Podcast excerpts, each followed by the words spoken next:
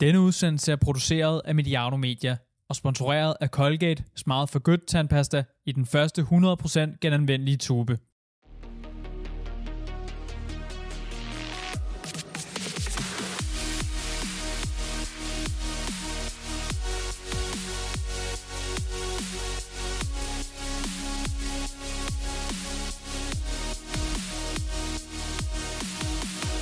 Velkommen til Sundhedsmagasinet. Mit navn er Henrik Duer, og med mig i studiet, som altid, der har jeg dig, Eske Ebbesen. Velkommen til. Tak for det.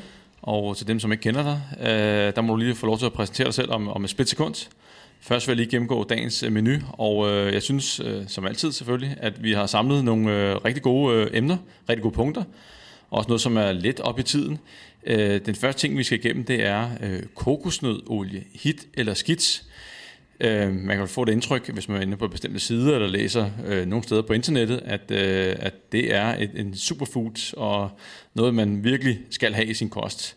Og så er der en interessant en, en øh, der var en historie omkring, hvordan man undgår cravings. Den kigger vi på. Øh, og hvis man følger kostrådene, hvor mange milliarder øh, kan man spare samfundet for? Øh, det synes vi også er interessant. Og så er der en, øh, nummer 4 her på listen, det er, om overvægt kan skyldes andet end for mange kalorier og for lidt motion. Er der andre ting, der spiller ind på vores energibalance? Og der er faktisk et lidt øh, spændende øh, studie her, som vi skal gennemgå, øh, som øh, hvad skal vi sige, kan sætte tankerne lidt i gang. Der er måske andre ting, øh, som kan spille ind her. Og så skal vi kigge på øh, fordelingen af protein ud over dagen, øh, hvis man styrketræner. Hvad er optimalt? Og der er faktisk et, et, et par vigtige råd her, vi vil give. Og så er der en anden ting, øh, nummer 6 på listen, det er også omhandler styrketræning. Det er øh, 4, 8 eller 12 gentagelser. Hvad er bedst? Og så er altid en, som øh, hitter og skaber opmærksomhed. Det er light sodavand. Det er emne, som virkelig kan skabe øh, debat. Og her kigger vi på, øh, ja, hvordan ser det ud i, i forbindelse med sundhed. Og der øh, var en artikel på nettet, som vi lige vil gribe fat i. Og så øh, dagens sidste punkt, det er, øh, hvad kan der ske efter et hårdt vægttab? Og der er kommet en relativt ny undersøgelse, hvor man kigger på fitnessatleter, efter de hvad, hvad skal sige, er kortet helt ned i fedtprocent.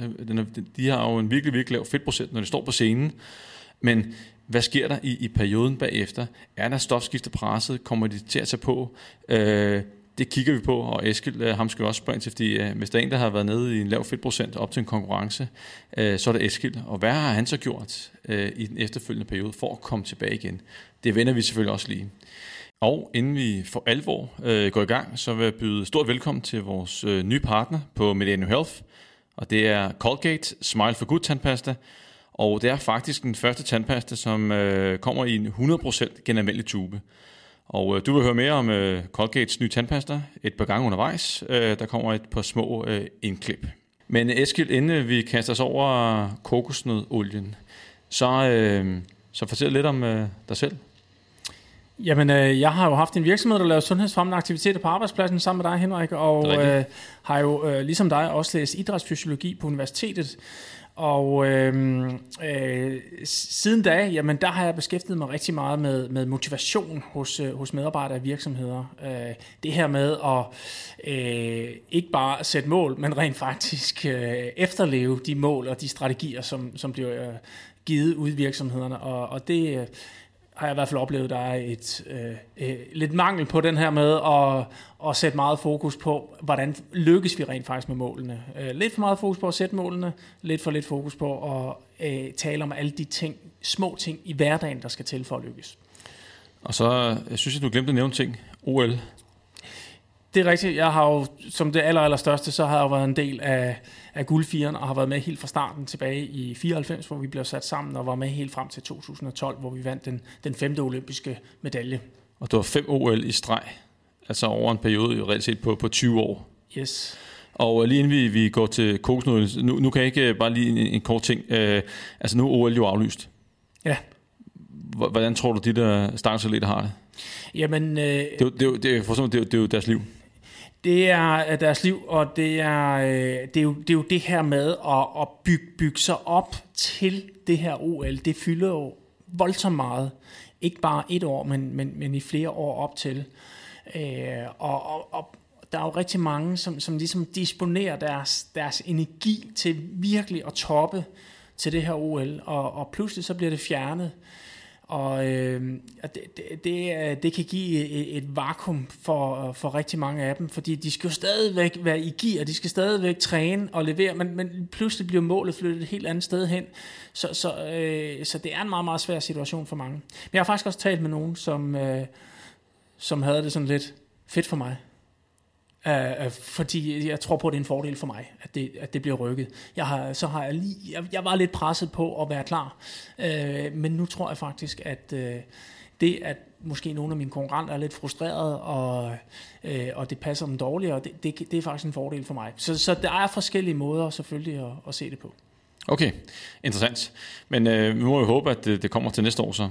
Ja, ja. Og det bliver så en skal vi så gå med det tre år, eller nye fire år, eller ryger man ind i... i ja, det, bliver, det, det må tiden vise. Uh, men øh, uh, Eskild, vi skal til dagens menu, og det aller, aller første, det er kokosnødolie. Er det hit eller skidt? Og uh, jeg, jeg ved, at uh, for sundhedsbranchen, og man kan også se på sociale medier, at, øh, at det, det er noget, som øh, hvad skal vi sige, bliver lovprist. Det kan både være kendiser, blogger og folk, der er helt vilde med sten eller kost. Øh, og de kalder det såkaldte superfood. Og jeg var inde på en, en hjemmeside, som øh, sælger en artikel, som er sponsoreret, øh, og der skriver de blandt andet, til dato har over 1.500 undersøgelser vist, at kokosnødolie er en af de sundeste fødevarer på kloden, med flere fordele, end de fleste mennesker aner. Og det er øh, både med vægttab og alt muligt andet. Det skriver blandt andet lidt overraskende, kan man tabe sig ved at spise en, øh, en olie med mættet fedtsyre, men det handler om, at kokosnolie netop indeholder de fleste, øh, de fleste sunde mellemlange fedtsyre, som lettere forbrændes. Og øh, Eskild, øh, hvad, hvad, hvad, en ting er, nu det er jo for nogen, der sælger det her, men 1.500 undersøgelser. Øh, hvad, hvad er status her, Eskild?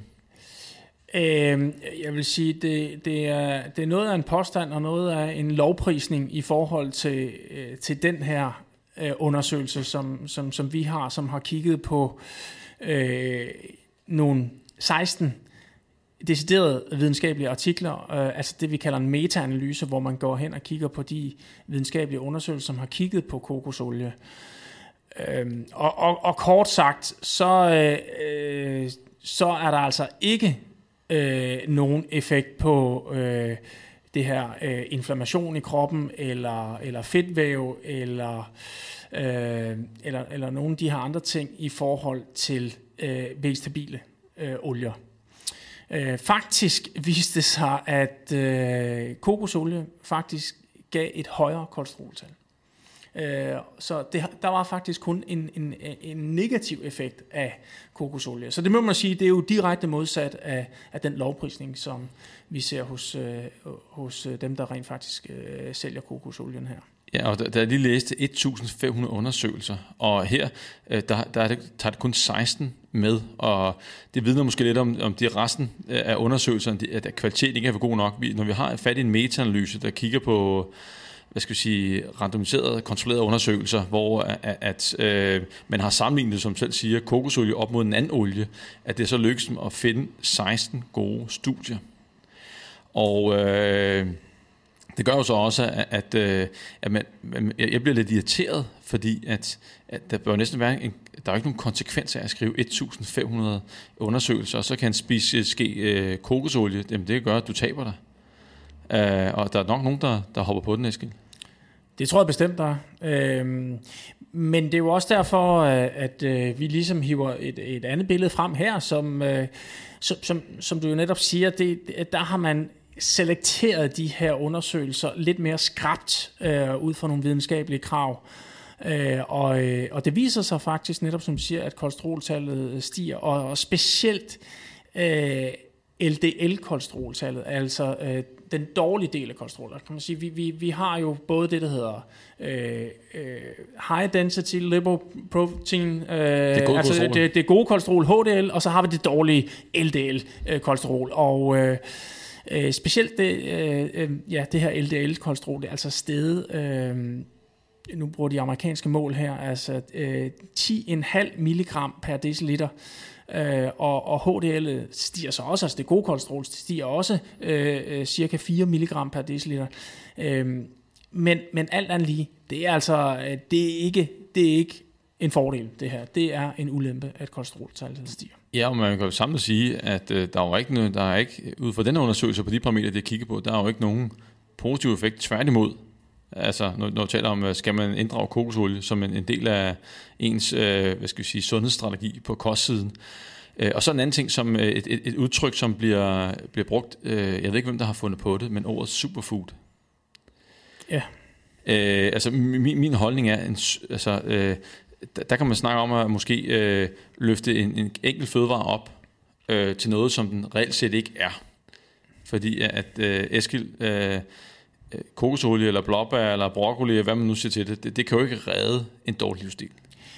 Nej, altså hvis du hvis det ikke du dyrker motion og ryger rigtig meget, så øh, kan du altså spise nok så mange blåbær. Det, øh, det får dig altså ikke til samlet at, at være sund. Så, så superfoods er jo, er jo nok et, et, et ord, man skal bruge med varsomhed, og, og der er jo ikke nogen enkelt øh, madvarer, som, som øh, øh, kan redde det her. Det, det er jo kombinationen af en masse sunde madvarer, som gør, at, at man får en sund kost, kan man sige. Øh, og, og, og selvfølgelig kombineret med en sund livsstil. Så, så det der med at ophøje nogle få madvarer til øh, superfoods, det, det, det giver altså ikke rigtig mening. Jeg, jeg, jeg kan godt se det for, at man gerne vil sådan rent spændingsmæssigt og interessant, at der er en eller andet, der bare har en, en speciel effekt. Det må jeg have i kosten. Men i det store billede, så ved vi, hvad er det, der slår flest folk ihjel. Det er rygning, det er inaktivitet, det er for meget alkohol, det er dårlig mental sundhed. Øh, på den liste, der står ikke superfood, der Nej. står ikke broccoli eller noget som helst andet. Men, men vores, vores hjerne higer jo lidt efter øh, den her kode til, bum, der var det. Her, her, lige det der lille trick, med at få de her mellemkæde med øh, fedtsyre, øh, som der eksempelvis er i øh, kokosolie, det er virkelig øh, hittet, og, og det er ligesom det, der er koden til, øh, lige ved at sige det evige liv, øh, men, men det er bare ikke sådan, tingene hænger sammen. Præcis. Nå, Eskild, øh, punkt nummer to, den, den, er, den er, jeg synes, den er sjov, øh, og, og ikke, altså, fordi at cravings, det er noget, vi lidt alt som bokser med i et eller andet omfang. Nogle øh, er selvfølgelig hårdere ramt end andre, og øh, og sådan en craving, det er jo sådan en intens trang til en bestemt madvare. Øh, og øh, der blev var en, en artikel i BT, hvor der var øh, øh, Ph.D. af Annette Sniper, håber jeg det er udtalt, eller Sniper måske udtalt øh, korrekt her. Øh, hun, hun havde et, tre gode råd, dem skal vi lige gennemgå om et splitsekund. Men Eskil, øh, har du nogensinde craving sådan en, øh, en sports supermand som dig? Ja, bestemt. Øh, Øh, helt sikkert. Øh, og, øh, og, og kan man sige, øh, både selvfølgelig da jeg trænede, øh, var det jo typisk øh, en, en, en funktion af, at vi skulle holde en, en, en lavere vægt, og at øh, vi selvfølgelig trænede rigtig meget, og, og, og i perioder skulle holde lidt igen. Øh, og, øh, og, og, og bestemt også øh, stadigvæk øh, kan, kan der godt komme den der trang til et eller andet usundt. Og Eskild, hvad, hvad craver du så? Øh, ja, ja, hvad er det? Altså, det, det kunne den der med, at man lige kigger, om der ikke lige skulle være nogen, øh, noget, noget kage, eller, øh, eller om der ikke lige skulle være noget slik tilbage i, i skabene der engang mellem. Øh, øh, altså, hvor der bare opstår sådan en trang til at sige, der, der må der lige være et eller andet. Ja, jeg, vil sige, øh, øh, jeg har også... Øh en ting er også øh, at bare have lyst til at spise slik, og sådan en, en vane, som nu er indgroet, men, men nogle gange så har jeg haft, det, det, det, det er lang tid siden sidst, og det sker sjældent, men haft sådan en craving for et, et eller andet, og typisk har, har der været noget, noget saltekris, øh, eller vingummi, men, men jeg ved ikke, hvorfor det opstår, øh, og der går lang tid imellem, men, men når den opstår, så går jeg, jeg, jeg går simpelthen ud af huset, så går jeg ned i Rema 1000, og så køber jeg en pose, så går jeg tilbage igen, og så spiser jeg den. Ja, det, det, og det er jo også meget aktivitet, kan man sige, ikke? Øh, hvor altså vi taler om det der med tilgængelighed, ikke? Altså, hvis, hvis det er der, øh, for mig der er det sådan meget med, altså hvis der er en pose, der er åben, så, øh, ah, så, så er det klart, så, så, er det en eller anden form, så giver det en eller anden form for tilladelsestanke. Hvis den er lukket, så tænker jeg, ah, okay, nå, så skal jeg ikke til at åbne den. Og hvis det er øh, børnens slik? Nej. pr- præcis, ikke? Øh, men eller også det der med at skal ud af døren, ah, det er også lidt meget at gå ud af det nogle gange. Altså, øh, så skal det virkelig være, være øh, stærke cravings, ikke? Og, og de der cravings, det er jo ikke sådan, at øh, de opstår fra det ene sekund til det andet. Altså, det er jo noget, der ligesom bliver bygget op øh, over længere tid, hvad skal jeg sige, lidt for, forventningsglæde. Øh, og hjernen den er næsten allerede indstillet sig på, at øh, den der øh, belønning, øh, den, den kommer.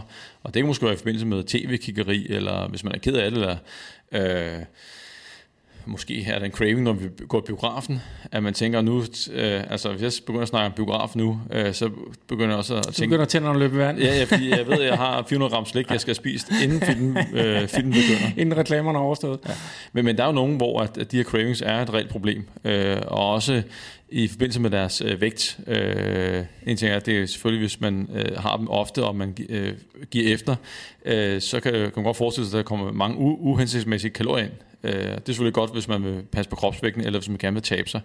Og øh, noget af det, som jeg lader mærke til i øh, artiklen, som øh, der også bliver øh, beskrevet, det er, at, øh, at de der cravings, de kommer i bølger.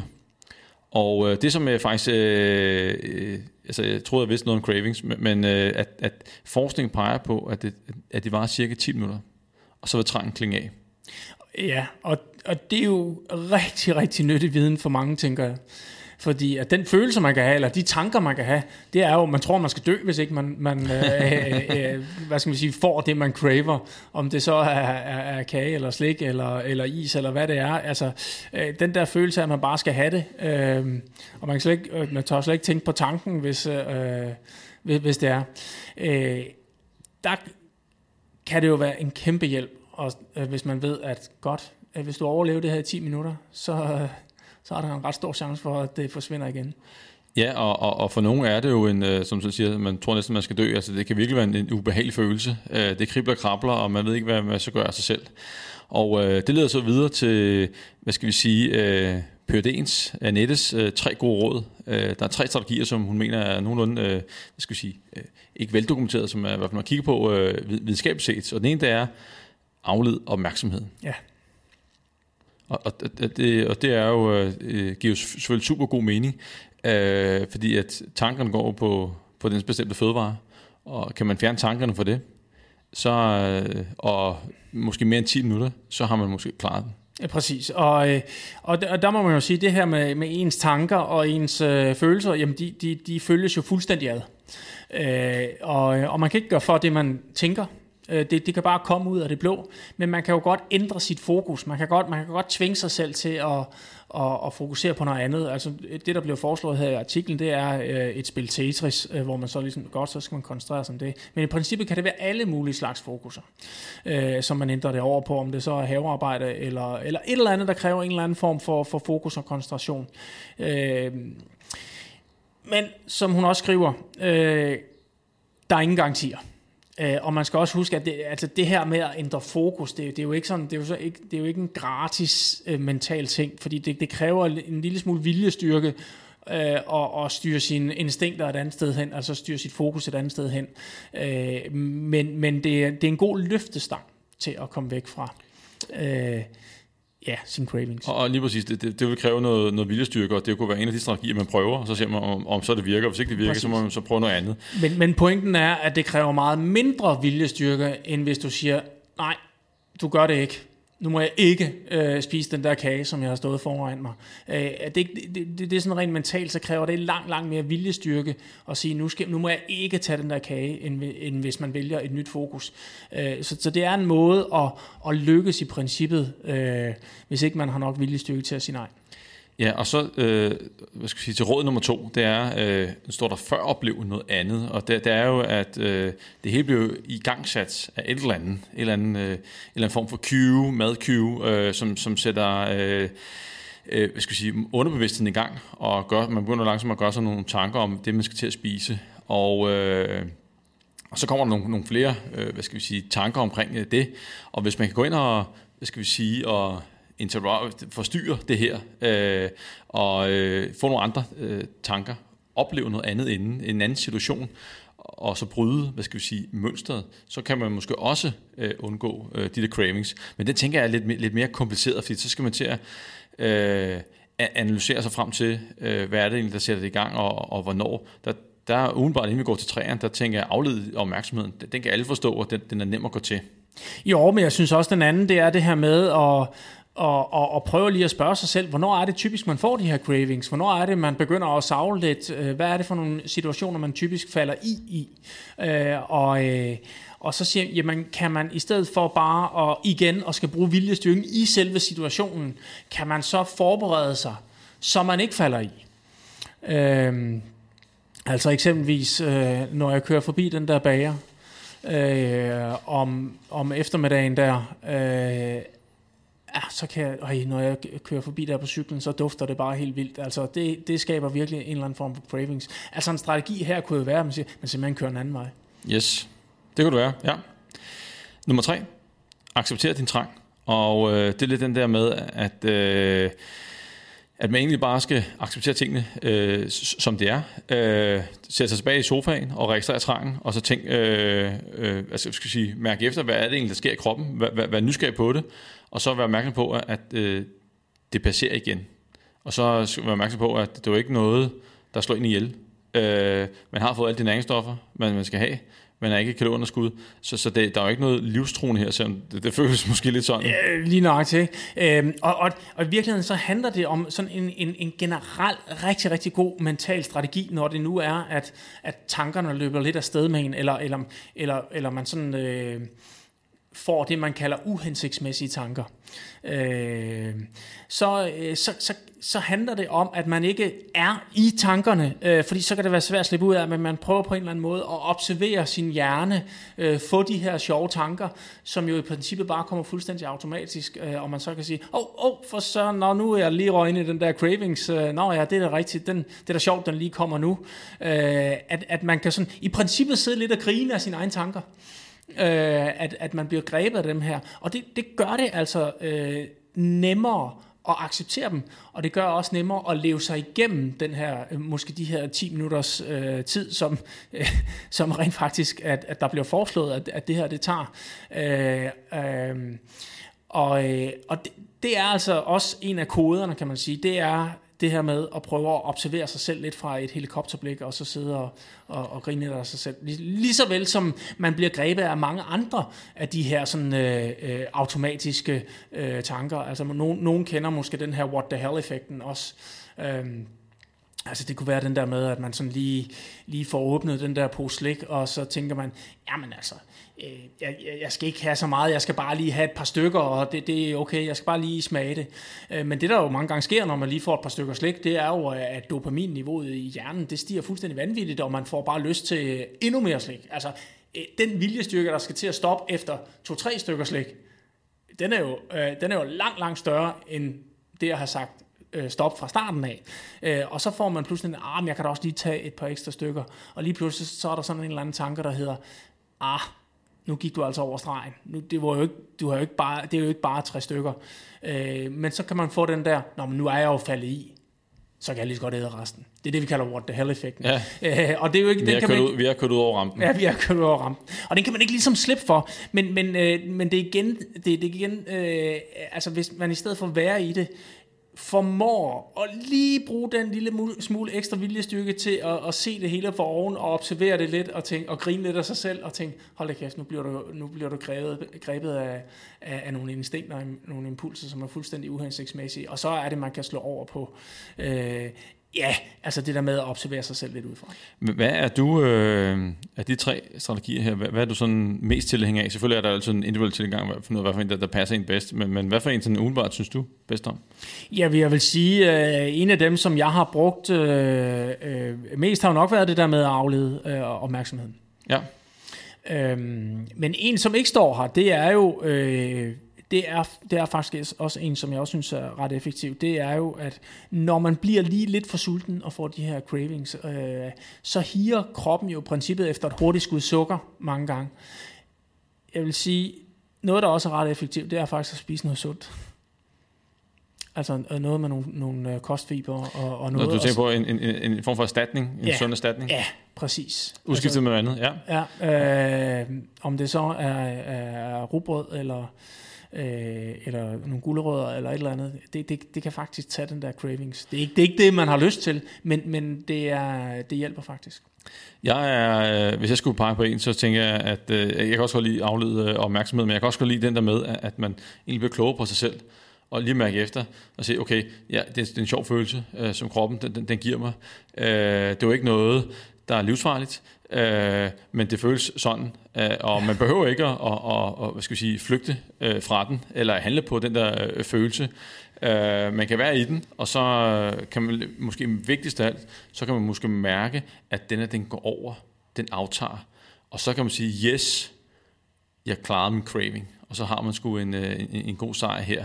Men jeg tænker også, at, at øh, når man skal prøve, hvis man skal prøve nogle af de ting af her, så er det også vigtigt, at man går ind til det med øh, åben sind og accepterer, at man, man, man rammer nok ikke 100% rigtigt og har succes fra, fra dag nummer et. Altså man bliver nødt til at øh, øve sig lidt. Det der med øve, øvelse går mester.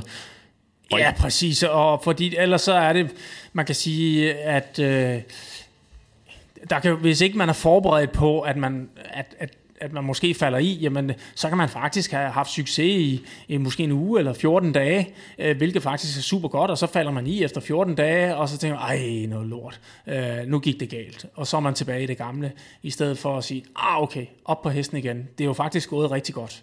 Øh, så, så, så, det, men, men jeg tror også rigtig meget på, på øh, det her med at have en strategi for nogle af de her ting, at... Øh, at øh, man sætter nogle, nogle realistiske mål for, øh, Øh, hvad det er, man gerne vil lykkes med, men måske nogle forsigtige mål, så man får de der succesoplevelser.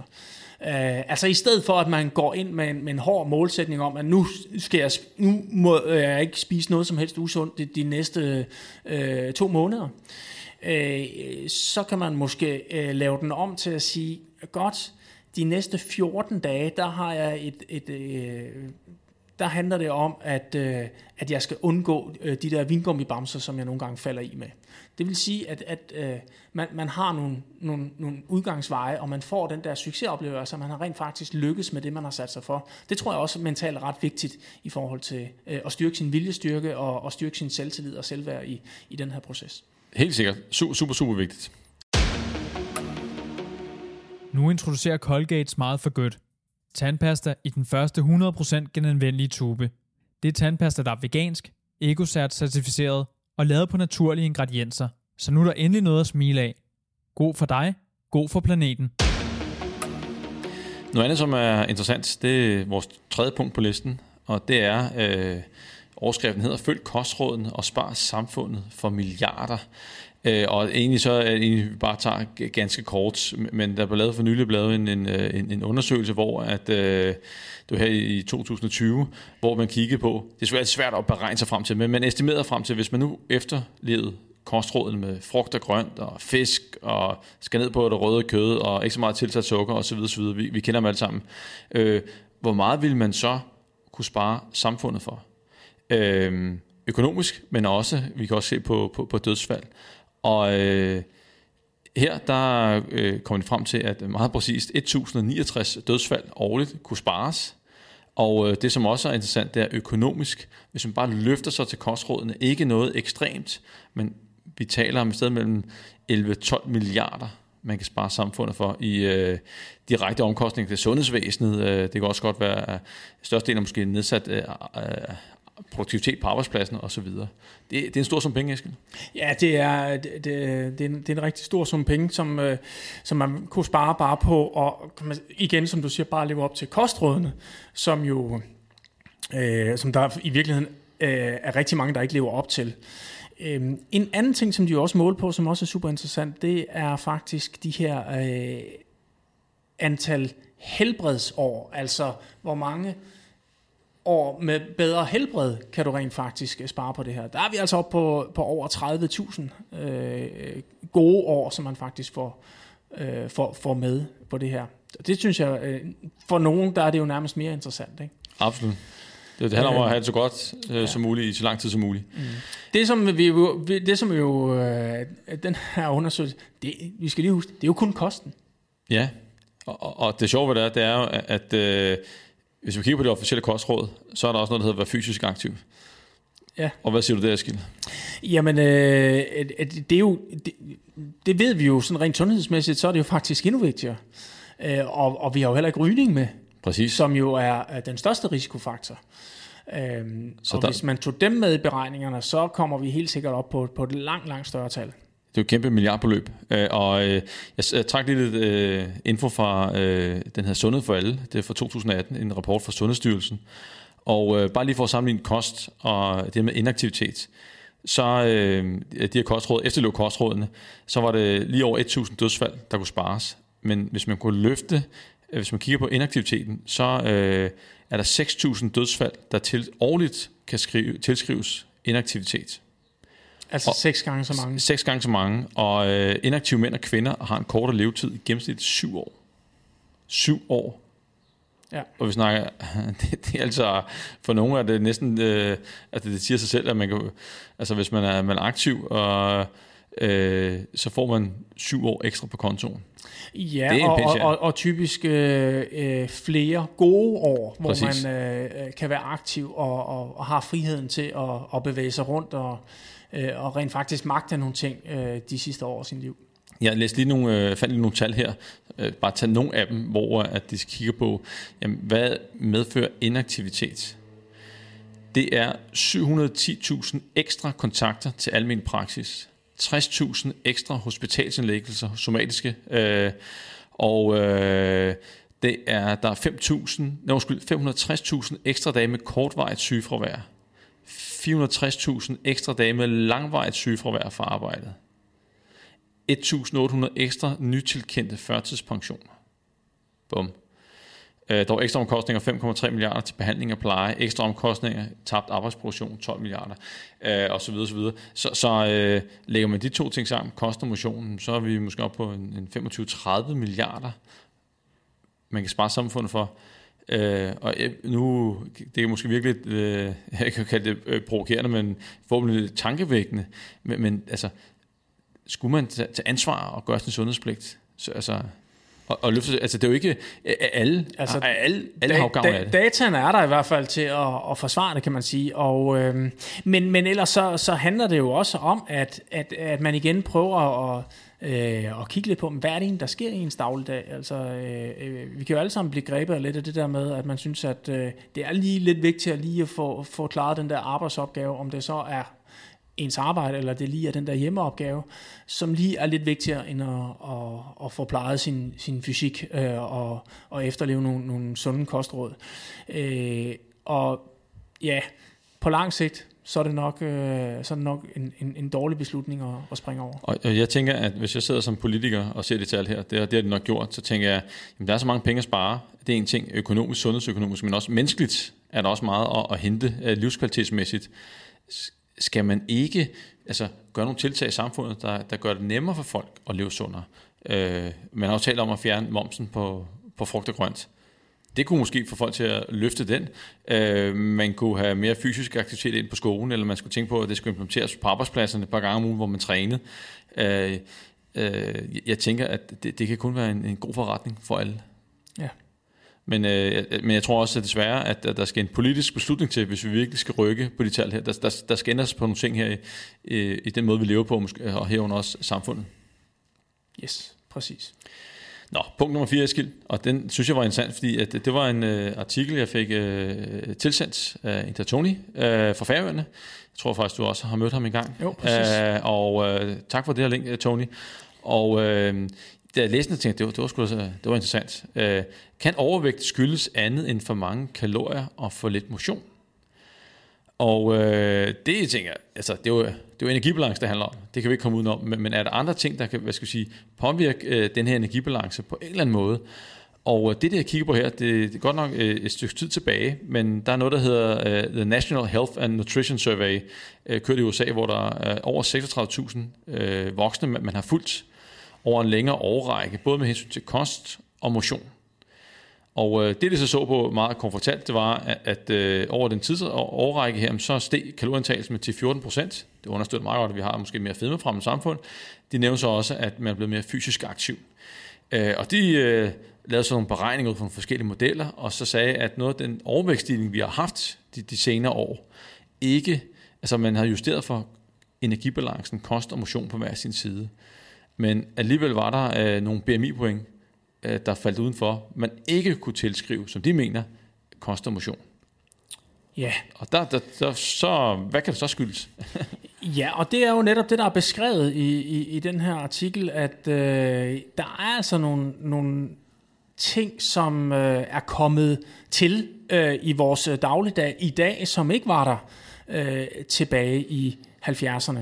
Øhm, og øh, jamen, skal vi tage dem fra en ende af? Øh, lad, os, lad os tage nogle af dem. Ja, hvad er det, der kan påvirke øh, vores energibalance, som vi virkelig umiddelbart tænker over?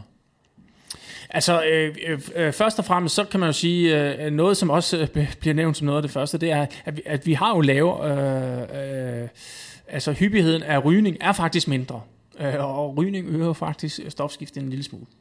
Øh, så det er sådan en lille del af forklaringen. Men, men øh, der er jo også øh, meget, øh, hvad skal man sige, medicin, Medicin, som, ja. øh, som påvirker vores, vores vægt, som simpelthen gør, at, at vi, vi, vi tager mere på. Og, og, og an, antidepressiv har vist sig øh, også at give øget risiko for overvægt, som også øh, hyppigheden og, og brugen af det er langt større, end det var i, i gamle dage.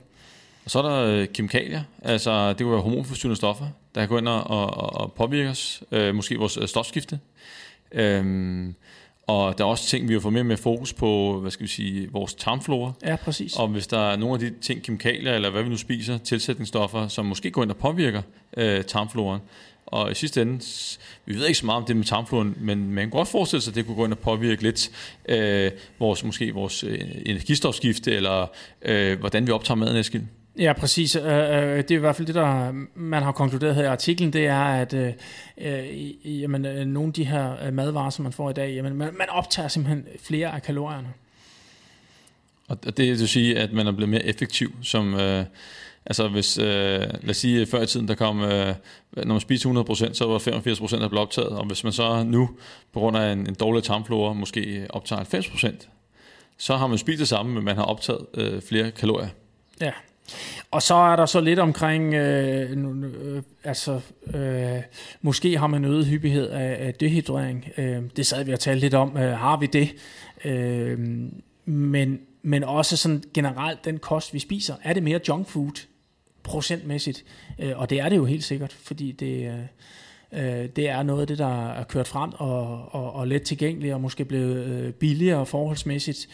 Øhm, og, og, og det er måske også bare noget, der gør, at man, øh, man får simpelthen øh, færre kostfibre, øh, og, og, og dermed simpelthen optager, øh, spiser flere kalorier og optager flere kalorier.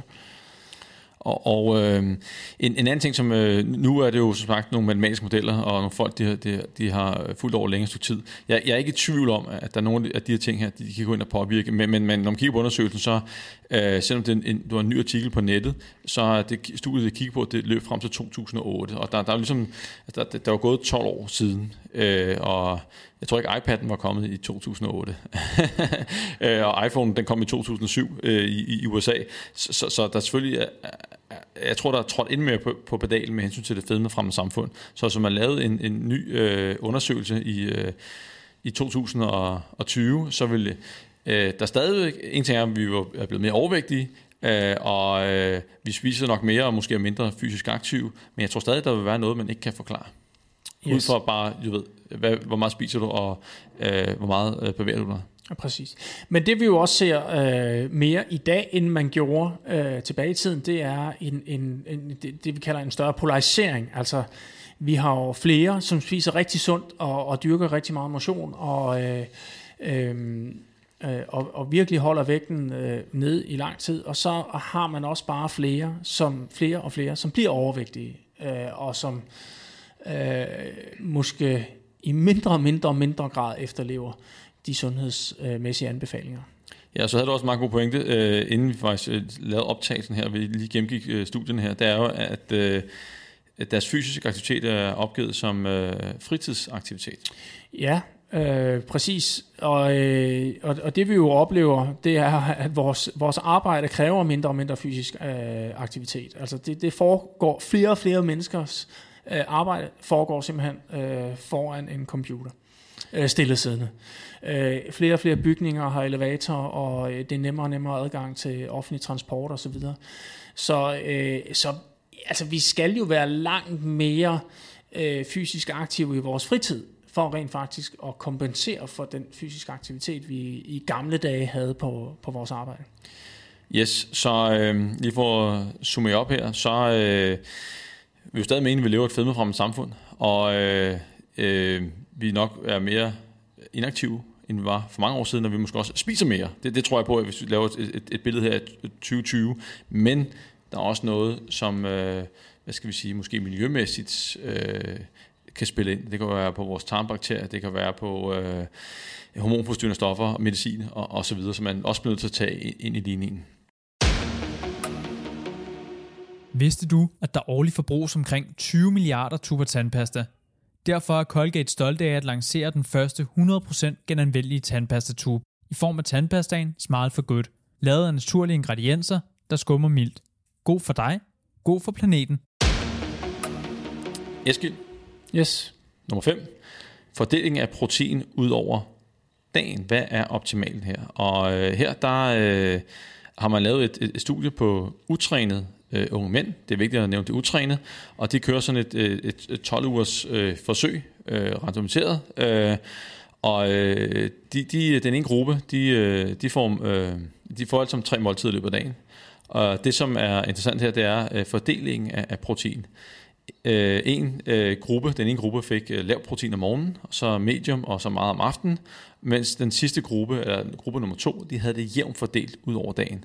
Og der var sgu en forskel, Eske. Ja, øh, og, øh, og det er jo faktisk noget overraskende, at øh, det her med, at de jo faktisk får samme mængde protein i løbet af dagen. Altså de får 1,3 gram per kilo, øh, per, øh, altså per kilo kropsvægt, øh, hvilket faktisk sådan lige er i underkanten af, hvad man siger er optimalt øh, for at, at, at få maksimal øh, muskeltilvækst i forbindelse med, at man laver styrketræning. Øh, men når man så får meget lidt protein om til morgenen, øh, om morgenen, øh, men til gengæld kompenserer for det til aftensmaden, øh, så ser det altså ud til, at, øh, at, at, øh, de simpelthen ikke får den samme øh, muskeltilvækst, øh, som, som dem, der har øh, proteinen jævnt fordelt over, over de tre måltider. Ja, og, ja, og øh, fordi øh, det sidste år, øh, der er vi jo, hvad skal vi sige, blevet tydet ørerne fulde om, at, at det, der er vigtigst, altså måske altafgørende, øh, det er bare, hvor meget protein du får i løbet af dagen. Men, men, men øh, det kan godt være, at man skal gå tilbage til noget af det, man også kiggede på tidligere, at der er måske noget med, med fordelingen. Og det kan så skyldes, at, at øh, der er måske en, øh, en tærskel, man skal over, hvad skal jeg sige, proteinmæssigt, eller mere specifikt på en aminosyre, det hedder leucine, at vi, vi, vi skal op og have en tilstrækkelig mængde af den aminosyre i måltid, for at få den, den maksimale udnyttelse eller opbygning, eller fokus på opbygning af, af, af protein i, i musklen. Øhm, så øh, fordel proteinerne jævnt ud over dagen. Tre måltider. Ja. Så er man godt på vej. Måske skal der fire. Det vil fremtiden vise, om, om, om der er en, en forskel der. Det, det, hvis der er en forskel, så, så tror jeg ikke, den, den, er, den er særlig stor. Men øh, øh, fordel det ud over dagen. Du øh, refererede faktisk lige til en undersøgelse her, øh, da vi talte sammen, som jeg også synes var super interessant. Øh, kan du ikke lige prøve at Jo, forklare? øh, Stuart Phillips, øh, professor af Canada, øh, højt respekteret inden for det felt her, han, øh, han lavede en undersøgelse, hvor de lavede styrtræningspas. Det var ikke noget sådan longitu- longitudinelt studie som det her, hvor de kørte over 12 uger. De kiggede på et enkelt træningspas, og så fik de 80 gram protein i en efterfølgende periode, og så så de så, hvor meget øh, muskelmasse blev så opbygget øh, i, i de 8 timer, de kiggede på. Og, øh, men det, som var, var interessant her, det var, at de 80 øh, gram protein blev fordelt på forskellige måder. Øh, alle sammen fik noget lige efter. Den ene gruppe fik 40 gram lige efter, og så øh, fire timer senere, så fik de øh, nye øh, 40 gram. Og øh, så var en anden gruppe, der, der delte op i portioner 20 gram, og så var en sidste gruppe, der delte op i, i portioner af, af 10 gram en, en gang i timen. Og øh, det viste sig så, at, at øh, selvom de fik den samme mængde, så fandt de en, en forskel, øh, øh, hvor at dem, der fik øh, 20 gram fire gange øh, efterfølgende, at de faktisk havde i løbet af de 8 timer den største opbygning af, af muskelmasse, som det nu kunne registrere der. Øh, hvordan det så ser ud over 24 timer, øh, godt spørgsmål. Men, men der var noget, der også talt for, at der kunne være en forskel på, at fordelingen ikke er, er ligegyldig. Præcis. Yes. Så øh, det var lidt om øh, styrketræning og, og, og kost, og nu kigger vi lidt på styrketræning og øh, hvor mange gentagelser man skal tage. Og øh, her har man lavet et, et, et studie, hvor øh, man igen har sat nogle folk til at, øh, at træne, Og øh, de blev så inddelt i, øh, i, i forskellige grupper, hvor at øh, nogen skulle træne med fire gentagelser, altså rigtig, rigtig tungt, fire gentagelser til udmattelse, øh, og så var der en gruppe, der skulle træne otte gentagelser, og så en sidste gruppe, der skulle træne 12 gentagelser. Og så var der selvfølgelig den fjerde gruppe, som var øh, kontrolgruppen. Og så følger man så øh, dem her over en, øh, en, en 12 ugers tid, og så ser man på, jamen, øh, hvem fik størst styrke og størst muskelmasse. Og det, som var interessant her, det var, at volumen, antal kilo, var det samme i alle grupperne. Så dem, der øh, tog fire gentagelser, de skulle så tage flere sæt for at kunne matche dem, der tog flere gentagelser med hensyn til antal kilo løftet. Og øh, resultatet, Eskild? Øh, jamen, øh, ja, resultatet var, at de fik faktisk øh, samme muskeltilvækst, altså samme muskelvolumen.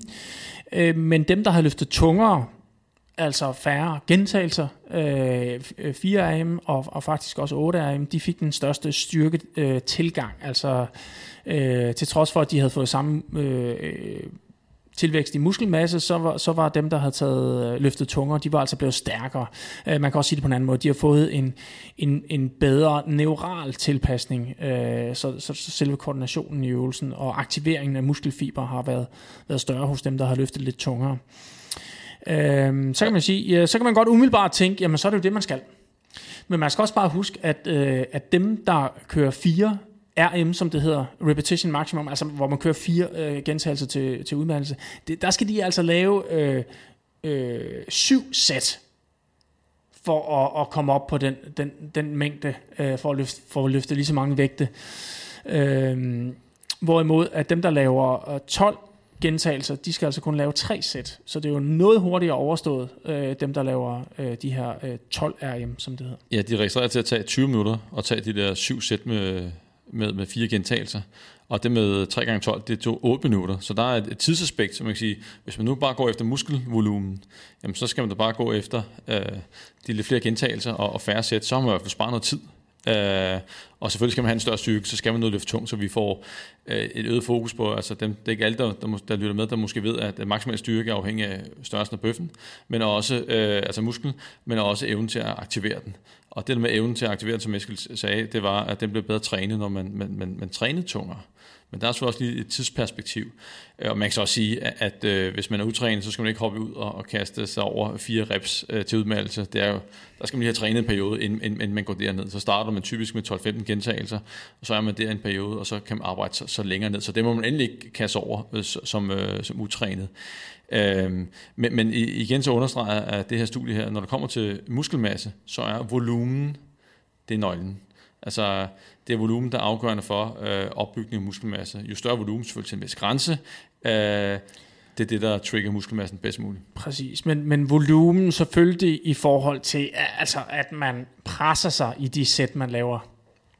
Ja, der, der, der, skal selvfølgelig laves lidt. Øh, og øh, jeg synes egentlig, at det var også var interessant her, en ting er, at øh, forsøget var, var sat fint op, øh, det var, at de havde MR-scannet pectoralis major. Øh, typisk så laver de en DEXA-scanning, og så laver de alt muligt andet. Øh, men her der har de kigget på den store brystmuskel, og så har de simpelthen øh, præcis mål, øh, fordi de lavede det i bænkpres, øh, præcis mål på, øh, hvor meget voksede den her muskel her. Så vi havde en, en virkelig præcis måling, når det kom til hypotrofien. Og der fandt de altså ingen forskel øh, i, i de grupper her. Nej. Så skal vi til syvende og næstsidste, og det er noget, vi har været omkring øh, tidligere, Eskild, og det er øh, light sodavand. Og nu øh, var der en, øh, en, en ny artikel øh, på nettet, det var godt på Danmarks Radio, og hvor der er nogen, der fortæller sig lidt... Øh, øh, øh, der er en diætist og en professor, som udtaler sig om øh, sødmidler. Ja. Og øh, budskabet er jo, at øh, det er jo ikke så slemt, øh, som mange går tror. Ej, øh, det, det, det må man sige, at øh, light, specielt øh, light sodavand og øh, og saftevand øh, har jo et, et langt, langt, langt værre rygte, end, end det man rent faktisk øh, både anbefaler, og, og det vi også ser i, i, i undersøgelser. Øh, og det er jo også det, øh, den her artikel øh, understreger, det er, at øh, ja, det er altså ikke så slemt. Og, og, og, og der er også et rygte om, at, at hvis man øh, drikker for eksempel light sodavand, så får man mere lyst til øh, øh, de her altså sukker og, og mere mad efterfølgende. Og det er der altså heller ikke rigtig noget, der tyder på ifølge den her artikel. Og der var også et gammelt studie, der pegede på det, men man har ikke kunne eftervise det i nye studier, øh, tværtimod.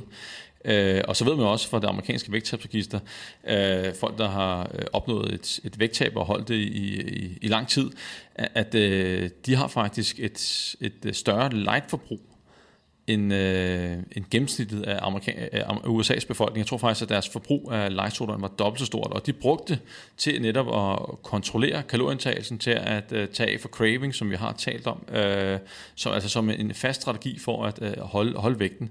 Så, øh, og, og studiet har også vist, at hvis man inddrager light-produkter, så i stedet for øh, de, de fuldt kalorierige øh, produkter, så, øh, så vil man også øh, tabe sig.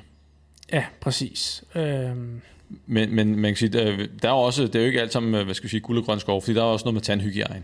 Man skal ikke bare bælge løs. Nej, og så, øh, så har vi jo efterhånden været igennem en, en, en del artikler, og øh, jeg kan i hvert fald huske en, en, en bestemt artikel, vi var igennem, hvor det jo også viste sig, at light-produkter er jo ikke bare light-produkter. Præcis. Øh, der har man faktisk kigget på, øh, hvilken indflydelse det havde på, på, øh, på netop vægten.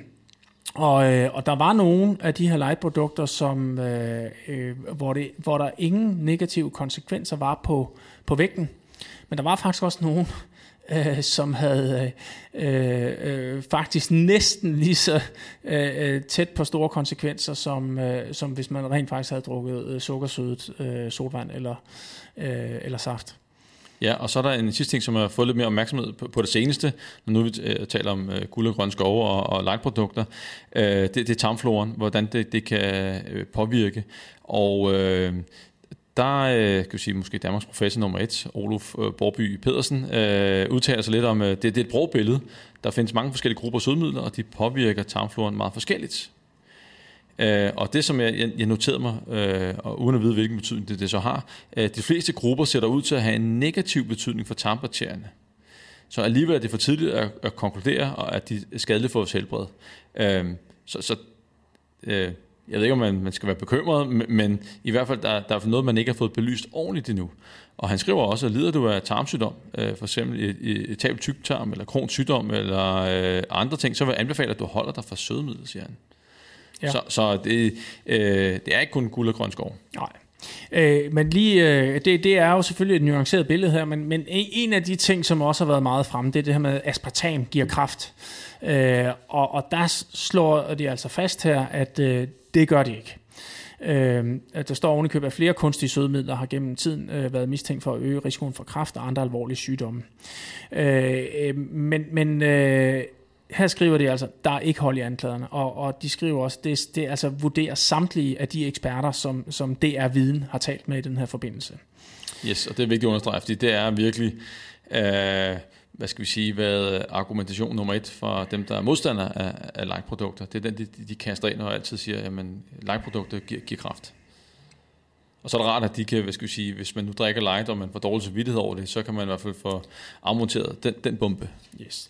Øh, lige en, øh, en ting, hvis vi endelig skal, også skal referere til nogle af de her ting, vi har været igennem i løbet af, jeg vil nærmest sige det seneste års tid, øh, det er, at øh, øh, øh det her med, at sukkersøde kan man sige, kalorier, øh, altså sodavand og saftevand, og, altså flydende kalorier med, med kulhydrater i, øh, er sukker i, det er, øh, det er altså noget, der øger risikoen for overvægt øh, gevaldigt og, og, og for tidlig død også. Øh, øh, og jeg vil sige, at det er i hvert fald noget, der har nuanceret mit billede af, hvor øh, sodavand skal ligge i, i, i sundhedsstatistikken. Og øh, øh, apropos cravings, øh, så, øh, så kan man sige, det er måske øh, nogle af de her cravings, hvor man, hvor man godt kan tillade sig at sige, godt, det, det er hvis jeg skal vælge nogle kampe, så vil det være at skære ned på dem. Ja. Og lige, lige ultra kort, Eskild. Drikker du selv light-produkter? Ja, det gør øh, øh, en gang imellem. Dagligt? Uligt? Nej, langt fra. Langt, langt fra. Okay. Jamen, jeg, jeg drikker også øh, selv en gang imellem, men øh, jeg øh, har drukket meget tidligere øh, at trappe lidt ned. Der var noget tandhygiejne, hvor jeg tænkte, at det, det var en tandlæge, der sagde til mig, Henrik, drikker du meget sodavand? Ja, det gør jeg, og så fik jeg en ny belægning på en tand. og, og så, hvis jeg, hvis jeg drikker for meget, så afbryder det med, med tarmfloren. Jeg, jeg får faktisk mere luft i maven, øh, hvis jeg får for meget light. Ja. Øh, det er måske en meget god indikation på, at det, det også påvirker dernede. Men det har været længe kendt, kan man sige, det med, med luft i maven og, og for, meget, for mange lightprodukter. Man kan bare prøve at spise meget diabeteslik, og så se, hvad der sker. det vil jeg ikke anbefale. Nå, øh, vi skal til den sidste, og det er måske, jeg synes faktisk, det, det, det er den, jeg glæder mig mest til, Eskild. Øh, og øh, det er, overskriften er lidt, hvad, hvad kan der ske efter et, et hårdt vægttab? Og, øh, og det kan være, at det, det, den her er interessant for mange, som øh, har været igennem vægttab, eller har, har presset citronen rigtig, rigtig meget med at komme ned i, i fedtprocent. Fordi det, der er gjort her, det er, at de har fulgt nogle øh, øh, kvinder og mænd, øh, syv stykker i alt, som øh, skulle stille op til en fitnesskonkurrence. Og alle, der kender lidt til fitnesskonkurrence, det er, at øh, der skal man ned i en rigtig, rigtig lav fedtprocent. Og øh, de lider hele vejen, og, men hvad, hvad sker der i, i perioden bagefter med vægtøgning og alt muligt andet? Så det, det har gjort her, det har taget de her syv personer, som øh, deltager noget i uh, natural fysik, uh, øh, og natural indikerer, at de er dopingfri, men jeg kan se, at der er et par store drenge imellem. må jeg diskutere, hvor, hvor, om de så er dopingfri, men i hvert fald er det, det indikerer. Og så har de uh, målt på dem, og også spurgt, har haft spørgeskemaundersøgelse en til to uger før, selve konkurrencen, fire uger og otte uger efter. Hvad sker der? De tager blodprøver og måler på stofskiftehormoner, leptin, og øh, måler stofskifte og kigger på kosten, hvordan det ser ud. Øh, og det var, jeg, jeg synes, det, det, var, det var ret interessant, fordi det, det er sjældent, vi rent videnskabeligt øh, har noget øh, på den periode, specielt når man har, har været langt ned i vægt. Og Eskild, hvad, ud af de ting, nu er der mange ting, man kan tage fat i her, men hvad, hvad slog dig sådan sådan, hvad gik, hvor, hvor du tænkte, over, det var meget interessant, eller var der noget overraskende her? Ja, der, der, er, sådan, der er sådan flere ting i det, men der, vil sige, der er i hvert fald nogle ting, der ikke er overraskende, det, hvis, hvis, hvis lige skal starte med, det. Ja. ja. Øh, fordi det er jo, at øh, hvor man har kigget på, hvor meget øh, spiser de efter konkurrencen i forhold til før konkurrencen. Og øh, ja, altså, øh, der er jo alle spiser mere efter. Øh, det svinger fra 20% og helt op til næsten 100% mere har de spist, øh, øh, øh når man kigger på deres øh, energiindtag øh, 8 uger efter konkurrencen i forhold til, når man kigger 14 dage før. Øh, og det er heller ikke nogen overraskelse, at, øh, at deres øh, kropsvægt også stiger, og, og det, den er så steget fra 2%, øh, som faktisk ikke lyder særlig meget, øh, og så helt op til 22% på, altså på 8 uger efter konkurrencen. Det er alligevel det, det, det må man sige, og, og, en, og hende... En, det, god, var sådan god slat kilo, man lige ja, får taget på der.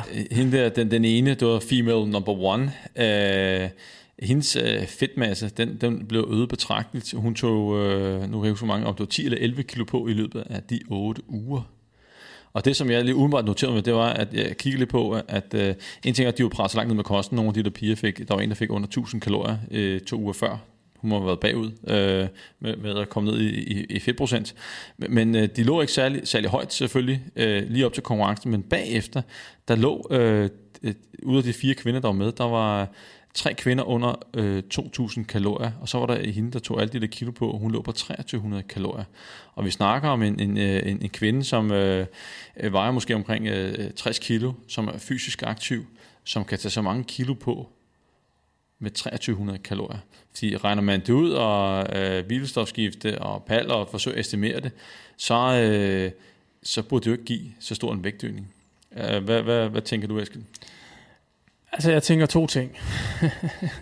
Øh, den, den ene er jo selvfølgelig øh, det her med, at øh, jamen, har man presset kroppen så meget og ligget på så lavt et kalorieindtag, øh, jamen så bare det at gå i energibalance og en lille smule over øh, energibalance, øh, øh, som, som 2300 kalorier typisk vil være for en kvinde, der, der måske øh, ikke træner helt vildt, øh, hvis hun stopper med at træne, øh, så kan kroppen altså gå hen og, og blive en ordentlig svamp, øh, kort sagt. Altså det her med, at de kulhydrater, man, man spiser, de går direkte ud i, i musklerne, og de binder altså øh, øh, tre gange så meget væske, som de binder kulhydrat. Altså, det, vil sige, der er mange kilo, som kan komme på, og som, som på en eller anden måde kan forklare, at man tager mange kilo på, uden at... Øh, uden at man nødvendigvis har spist voldsomt meget.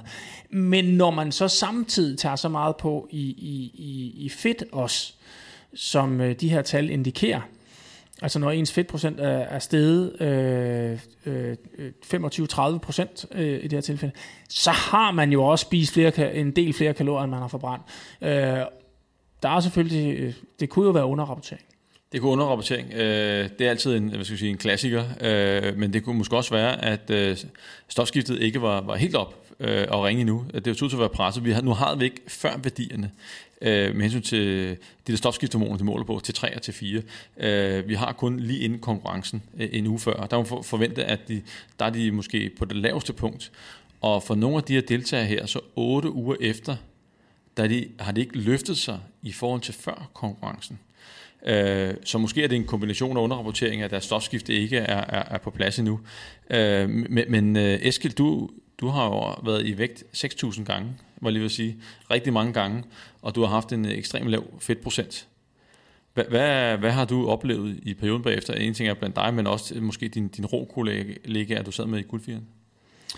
Øh, jamen, det er jo klart, at, at sådan rent mentalt det her med at skulle have, have, have lagt sig i scenen på den her måde, og have den her vægtgrænse, som man, man, øh, man skal ned på, det har jo gjort, at, at, at vi har jo også kompenseret efterfølgende ved at spise mere, og, og, og også mange gange øh, øh, usundt. Men der har også været noget kultur i det her, fordi hvis jeg tænker tilbage på, hvordan vi gjorde øh, tilbage i, i, øh, i starten af 90'erne, sammenlignet med, hvad vi gjorde øh, de sidste 5-10 år, jamen, øh, øh, øh der var, øh, det var en, øh, der havde vi ligesom fået, kan man sige, jeg tror, vi havde fået styr på det, altså forstået på den måde, at øh, jamen, jamen, den der trang til at kompensere fuldstændig vanvittigt efter at have været vægt, jamen den, den havde vi sådan nogenlunde fået styr på, og øh, måske egentlig lært os selv, at så fedt var det heller ikke.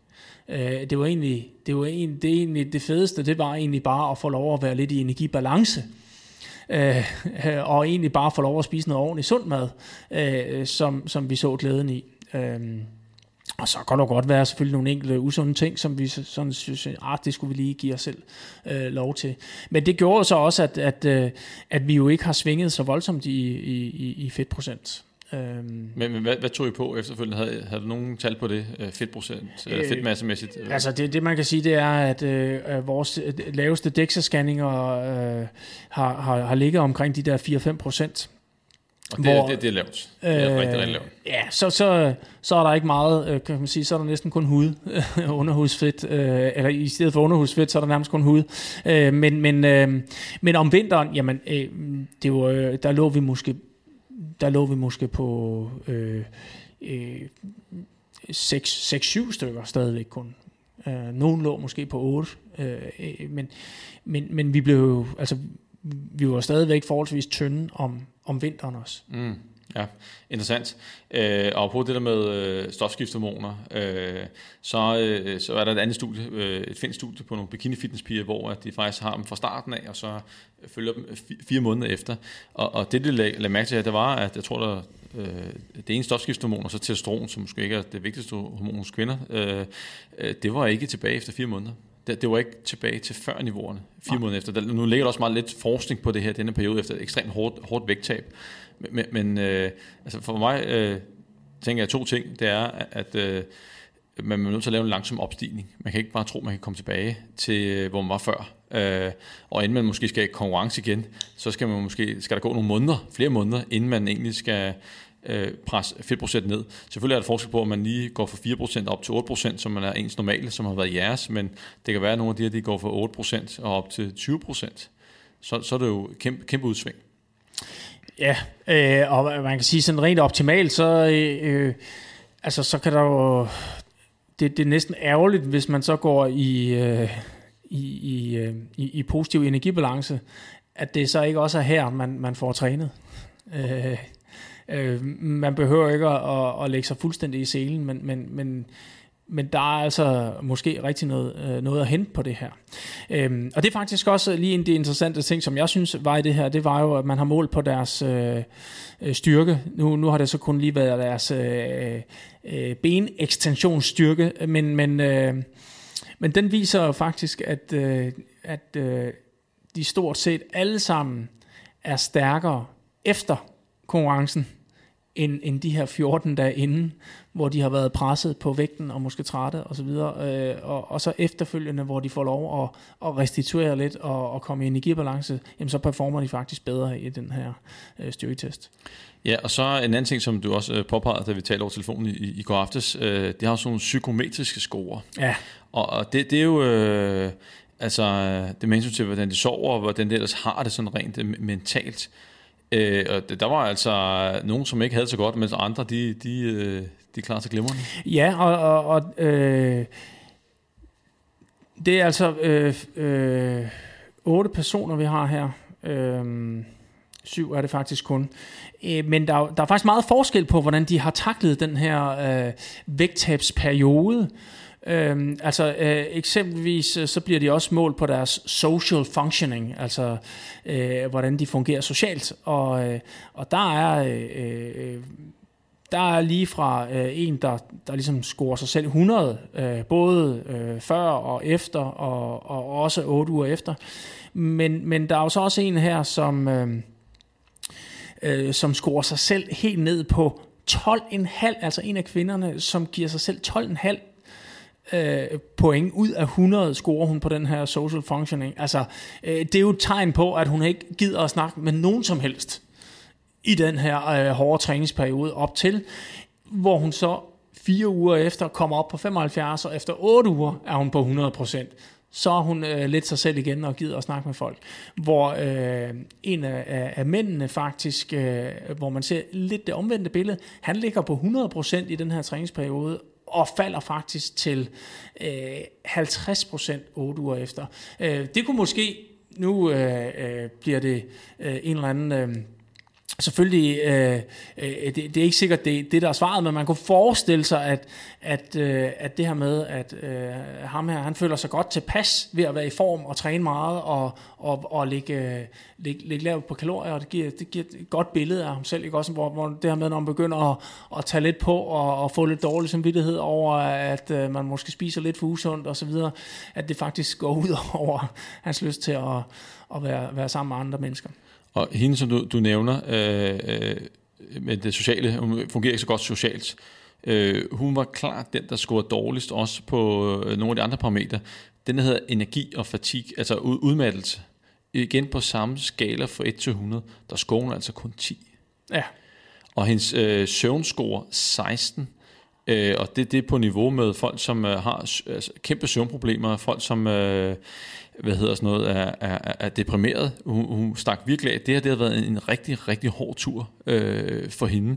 Og selv 14 dage øh, efter, undskyld, 8 uger efter, der, der, der er stadigvæk øh, et, et stykke op. Øh, social functioning var op på 100, men øh, sådan følelsesmæssigt og øh, energimæssigt, søvnmæssigt, der var stadig, der var stadig et, et stykke fra toppen. Ja, men der er ingen tvivl om, at de her tal øh, viser, at hun har været meget, meget, meget presset 14 dage før den her konkurrence. Øh, og, og, og ja, og er ikke helt på, på niveau selv 8 uger efter. Og, og, og det, jeg vil ikke sige, det er sjovt, der, men hvis, man lige, hvis jeg skulle have sat penge på nogen, som tog allermest på, så satte det på hende, men det er jo ikke hende. Øh, hende hun, hun tager den, der tager næst mindst på af kvinderne uh, female nummer, øh, nummer tre her.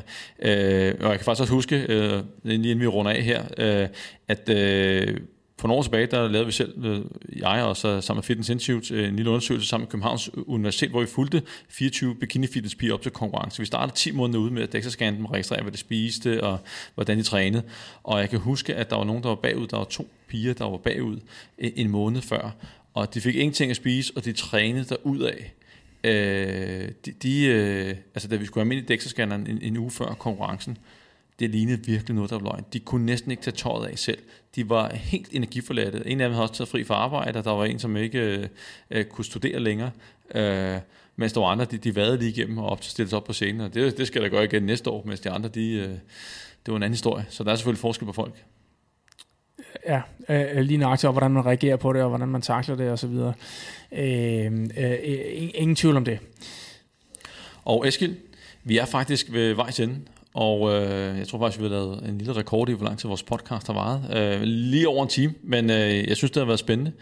Og øh, endnu en gang, øh, Emilia, tak fordi at, øh, du gider dukke op og, og forberede dig til det her podcast her, Eskild. Selv tak, og endnu en gang en fornøjelse. Og tak til alle jer, der lyttede med. Vi høres ved.